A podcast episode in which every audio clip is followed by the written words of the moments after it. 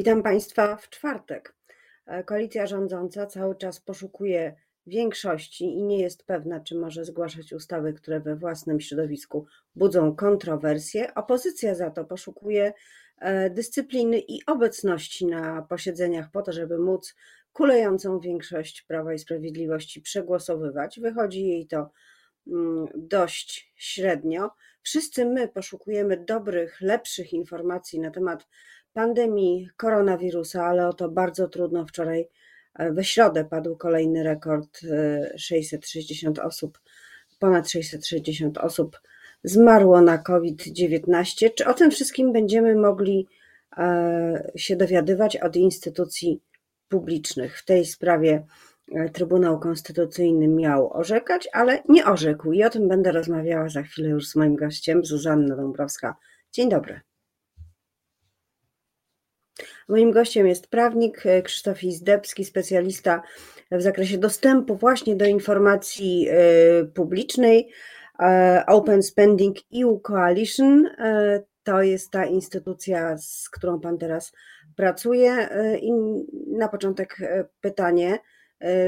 Zdziwił się Pan, że Trybunał Konstytucyjny postanowił przełożyć rozprawę? Ona już raz była przekładana miał rozstrzygać w listopadzie. I, i znowu taki serial będzie odwlekania E, no, y, powiem tak, i tak i nie. Znaczy nie zdziwiłem się, bo mało jest rzeczy, które dziwią mnie, jeżeli chodzi o pracę Trybunału Konstytucyjnego e, w ostatnich kilku latach, e, bo rzeczywiście Trybunał no, daje takie niespodzianki, które powiedziałbym są dosyć przykre z punktu widzenia państwa prawa też, ale zdziwiło mnie to z tego punktu widzenia, że no, odebrałem też takie dosyć szybkie ogłoszenie tej pierwszej rozprawy jeszcze w listopadzie, E, po wniosku, który w zasadzie wpłynął w lutym tego roku, e, że zależy Trybunałowi i otoczeniu politycznemu Trybunału na czasie.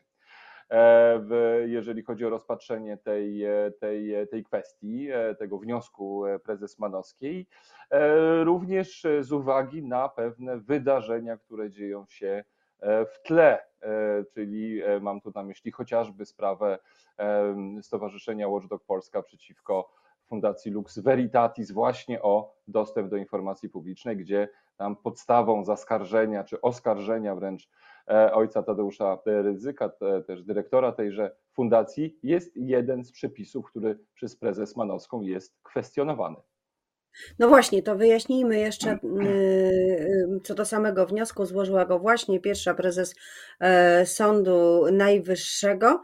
Jakie jest jej stanowisko? Dlaczego e, mm, zakłada, czy chce zbadać e, konstytucyjność ustawy o dostępie do informacji publicznej?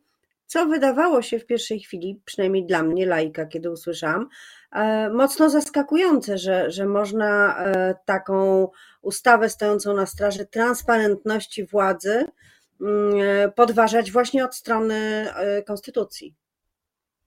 No dokładnie, znaczy tu jest po pierwsze ta ustawa funkcjonuje we wrześniu tego roku, obchodziliśmy dwudziestolecie jej uchwalenia. E, mamy dosyć e, duże e, orzecznictwo, czy bogate orzecznictwo sądów administracyjnych, na przykład, które rozstrzyga te wątpliwości interpretacyjne.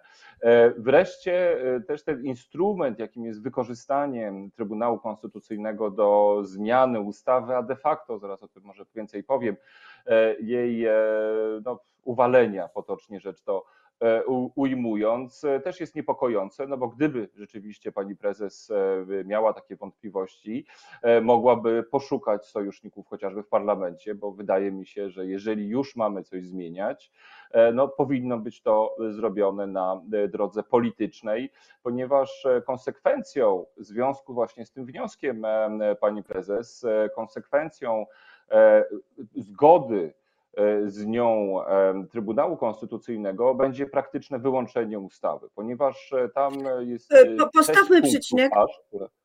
mhm. Postawmy przecinek, a może nawet średnik, bo powiedział Pan, gdyby trzeba było coś zmieniać, czy tym czymś, wyjaśnijmy, miałaby być definicja tego, kto jest podmiotem publicznym, czy są jakieś inne sfery tej ustawy, które można by zmienić? Przedefiniować? No one istnieją, tak, ja bym powiedział, one istnieją, natomiast one nie istnieją w tych punktach, których domaga się tego e, pierwsza prezes Sądu Najwyższego. E, to jest chociażby kwestia, i to pewnie Państwu, szczególnie dziennikarzom, bardzo dobrze znana, e, tego, że trudno jest wyegzekwować udostępnienie informacji, jeżeli władze publiczne czy te inne organy, które realizują zadania publiczne, nie chcą tej informacji udostępnić. To są często wieloletnie spory. Ja sam często przywołuję przykład, już nie wchodząc w szczegóły, jaki ale w którym e, odmówiła mi dostępu do informacji Ewa Kopacz. W pierwszej instancji spotkałem się oczywiście symbolicznie za pośrednictwem pełnomocników z Watą Szydło, a w sądzie drugiej instancji już z Mateuszem Morawieckim. Także e, ta dynamika widać jest dosyć e, wolna, ta informacja jest potrzebna wtedy, kiedy my o nią pytamy. Natomiast taką częstą taktyką jest właśnie w najlepszym wypadku przedłużanie odpowiedzi, to przedłużanie o, o lata. To są chociażby te rzeczy, które powinny się zmienić. Powinno się jeszcze ewentualnie zmienić to, żeby więcej tych informacji było w sposób proaktywny, publikowany w internecie. Natomiast e, pierwsza prezes Sądu Najwyższego no, wraca do pewnych podstaw, które już e, są, jak wspominałem, dosyć dobrze wyjaśnione przez sądy administracyjne, e, a przede wszystkim ich taką cechą, myślę, że pozytywną jest to, że one są właśnie niedookreślone, a to jest podstawowy zarzut pierwszej prezes Sądu Najwyższego. To dotyczy właśnie tych podmiotów, które są zobowiązane do udostępniania informacji publicznej. Ona uważa w konsekwencji, twierdzenia, że są niedookreślone, że zbyt szerokie jest to grono. Ja przywołam chociażby przykład takiej organizacji, która, e, czy instytucji, która e, no właśnie jej zdaniem mogłaby być zaliczona jako ta niepotrzebnie zobowiązana do udostępniania informacji publicznej. To jest chociażby Polska Fundacja Narodowa, czy różne instytuty, które teraz powstają, jak E, grzyby po deszczu, niedawno chociażby Instytut Demografii, ale też e, takie spółki, czy agencje, e, czy podmioty, jak chociażby Centralny Port Komunikacyjny w Baranowie. To jest jeden element. Drugi element. Ale przepraszam, też chciałam dopytać, to jest próba wprowadzenia zamkniętego katalogu tych instytucji. Czy, czy, czy sądzi pan, że pierwsza prezes będąca też no, delikatnie emanacją swojego środowiska politycznego, doprowadzić do sytuacji, kiedy będzie skończona grupa tych instytutów zobowiązane ustawą do udzielania informacji, a w przykład nowe, które powstaną, czy te, które nie są bezpośrednio administracji publicznej, już by e, e, w tym wykazie no y, tak, tak. Mi się wydaje, że tutaj rzeczywiście jest e, z tym związany dosyć duży problem, ponieważ e, no, nie ma co ukrywać. Mamy do czynienia z takim zjawiskiem prywatyzacji usług publicznych. Coraz więcej jest takich instytucji, e, ale też no, Sąd Najwyższy w rezultacie w zasadzie tego rozstrzygnięcia, chociaż myślę, że nie jest to akurat bezpośrednio, nie ten element jest zamiarem obrony przed udostępnianiem informacji publicznej przez panią prezes, e, ale w rezultacie sam Sąd Najwyższy czy wszystkie organy mogą zostać wyłączone, ponieważ ten zakres zaskarżenia on dotyczy w zasadzie wszystkich podmiotów.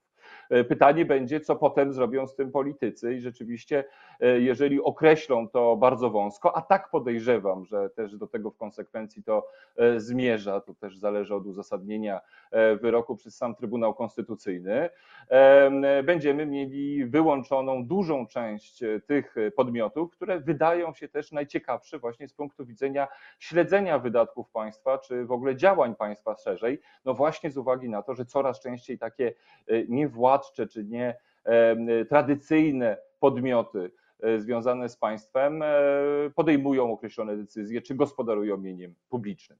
Natomiast to, co pani prezes rzeczywiście chyba najbardziej jest zainteresowana też osobiście, czy z punktu widzenia tego, E, że jest e, e, no, kierowniczką zakładu pracy pod tytułem Sąd Najwyższy, jest kolejny zarzut, czyli też zarzut niedookreśloności osoby pełniącej funkcje publiczne i zderzenia tego z prywatnością takiej osoby.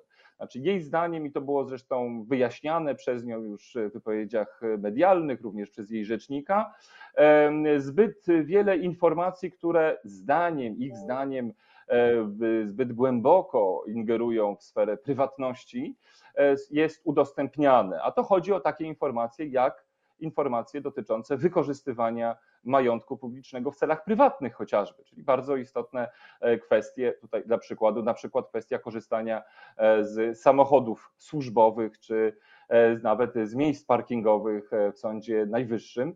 E, no ale przypomnijmy, te historie w Sądzie Najwyższym są dłuższe, no bo jeszcze przez wiele lat, jak prezeską wtedy sądu była pani sędzia Gersdorf, istniał ogromny opór, żeby udostępnić informacje dotyczące wydatków z kart płatniczych, które E, są w posiadaniu pracowników e, Sądu Najwyższego. Więc to są e, na przykład takie informacje, których rzeczywiście nie otrzymamy i inne informacje, które będą dotyczyły osób, które nie są tymi funkcjonariuszami publicznymi sensu stricte, czyli urzędnikami, ministrami, ale na przykład mają duży wpływ na powstawanie prawa, czyli różnego rodzaju eksperci, ale też wszystkie osoby, które no, otrzymują e, wynagrodzenie e, za wykonywanie określonych zadań na rzecz e, urzędów. A to też jest o tyle istotne, że również coraz więcej tych zadań wykonywanych jest nie przez same urzędy, ale przez osoby, które działają na ich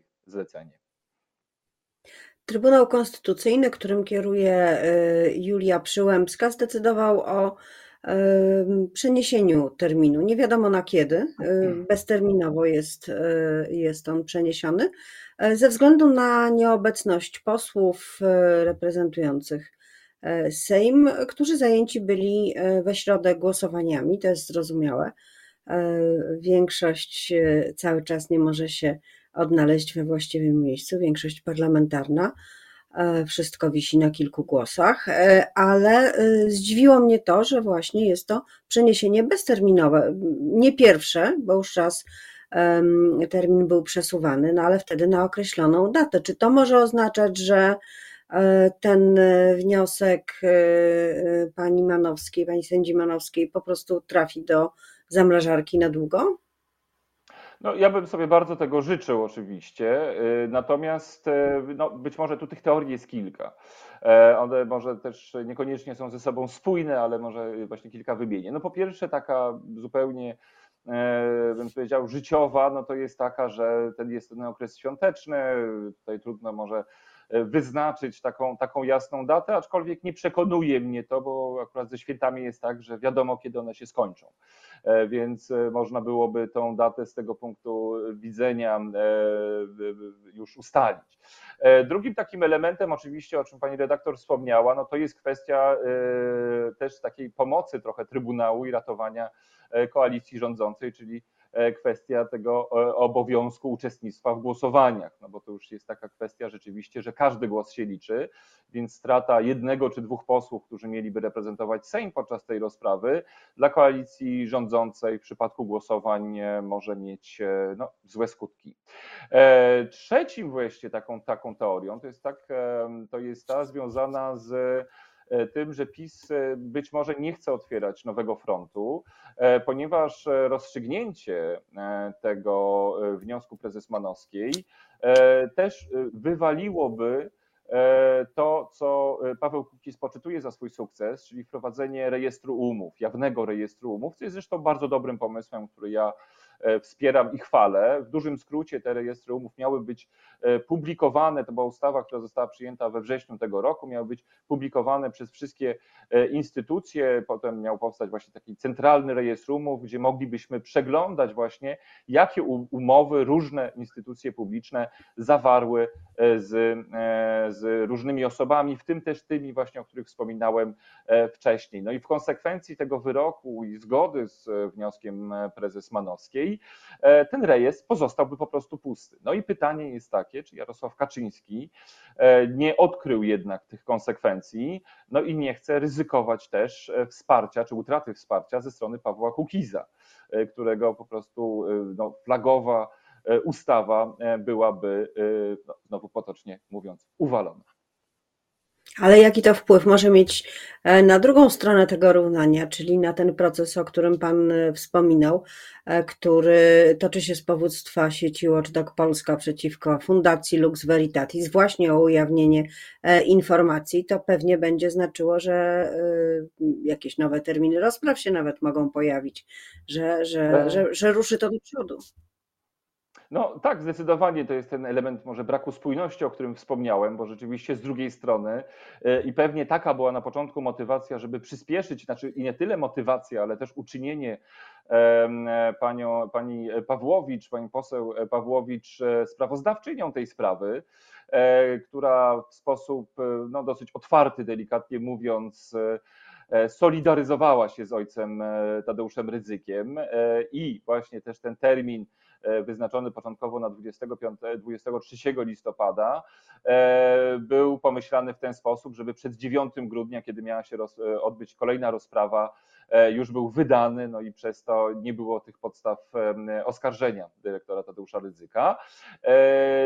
Rozprawa została też przeniesiona. No to jest być może też właśnie element większej układanki, kiedy pełnomocnicy Tadeusza Rydzyka będą po raz kolejny starali się te kolejne rozprawy przekładać, e, oczekując na wyrok e, Trybunału. Oni zresztą e, już po złożeniu wniosku przez pierwszą prezes Sądu Najwyższego złożyli wniosek o zawieszenie tego postępowania właśnie z uwagi na to, że oczekuje w Trybunale Konstytucyjnym na rozpatrzenie, czyli oni doskonale zdają sobie z tego sprawę i myślę, że jest to dosyć istotny element obrony dla nich. No ale zobaczymy, co przeważy E, czy interes e, ojca ryzyka, czy e, jedność koalicji, czyli takie bezpośrednie korzyści, czy korzyści jednak też duże, oczywiście wiemy o dosyć istotnych związkach powiedziałbym środowiska Radia Maryja też z Prawem i Sprawiedliwością i E, w konsekwencji e, no, najważniejsze z mojego punktu widzenia jest jednak, czy przeważy troska o przejrzystość państwa. A wydaje się, że jest ona na razie elementem gry politycznej, a nie troską właśnie o realizację fundamentalnych praw człowieka i tego, żeby demokracja funkcjonowała nam e, w sposób właściwy. No właśnie o ocenę taką generalną chciałam Pana na koniec poprosić. Część tej oceny właśnie, właśnie Pan wypowiedział, ale jeszcze dopytam, bo w czasie tej rozmowy pojawiały się nam e, troszkę tak jakby z marszu sformułowania otoczenie polityczne e, pani e, prezes, otoczenie polityczne pani Przyłębskiej, kontekst polityczny. Po dwóch stronach mamy dwóch, dwa konteksty też czysto polityczne. Ojciec Ryzyk Paweł cookies. Wszystko to e, pokazuje, jak bardzo mocno ten system stanowienia prawa na jego najwyższym poziomie, czyli już e, system, który ma odpowiedzieć na pytanie najważniejsze o zgodności z konstytucją, jest uwikłany politycznie, jest funkcją być może pewnych e, politycznych układów. Jakie to ma konsekwencje dla praworządności i przejrzystości, transparentności w Polsce? Wiemy też e, z maili, ujawnionych maili Michała Dworczyka e, i jego e, osób, które z nim korespondowały. Tam pojawiają się w tych, w tych mailach właśnie elementy dotyczące tego, że ktoś złożył wniosek o udostępnienie informacji, jak mu odpowiedzieć, jaką taktykę przyjąć, że jest to element PR-owy czy element budowania narracji politycznej. Stąd też na przykład brak komentarzy takich wyraźnych ze strony otoczenia politycznego E, Michała Dworczyka dotyczące tych maili, znaczy, żeby pewne kwestie lepiej przemilczeć.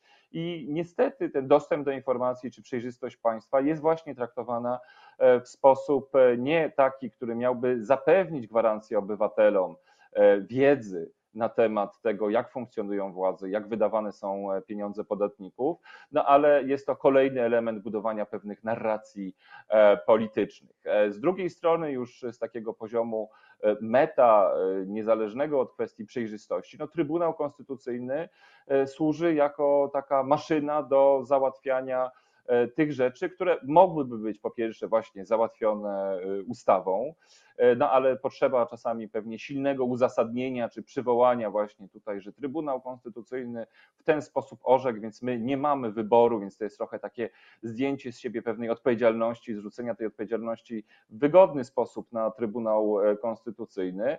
No i wreszcie jest to sprawianie wrażenia, E, że mamy do czynienia z państwem prawa, gdzie różne instytucje, które miały się nawzajem kontrolować, funkcjonują. No, tymczasem no właśnie wiemy, że one są uwikłane e, w relacje ze sobą i nie wiem, czy są takie osoby, nawet ze środowiska Zjednoczonej Prawicy, które wierzą w obiektywizm i bezstronność Trybunału Konstytucyjnego. I z tym pytaniem zostawimy naszych e, widzów i słuchaczy. Kto w co wierzy, pewnie się tego nigdy do, do końca i na pewno nie, nie dowiemy. Krzysztof Izdebski, e, ekspert do spraw dostępu do informacji publicznej Open Spending EU Coalition. Bardzo dziękuję za rozmowę. Dziękuję uprzejmie. Do widzenia.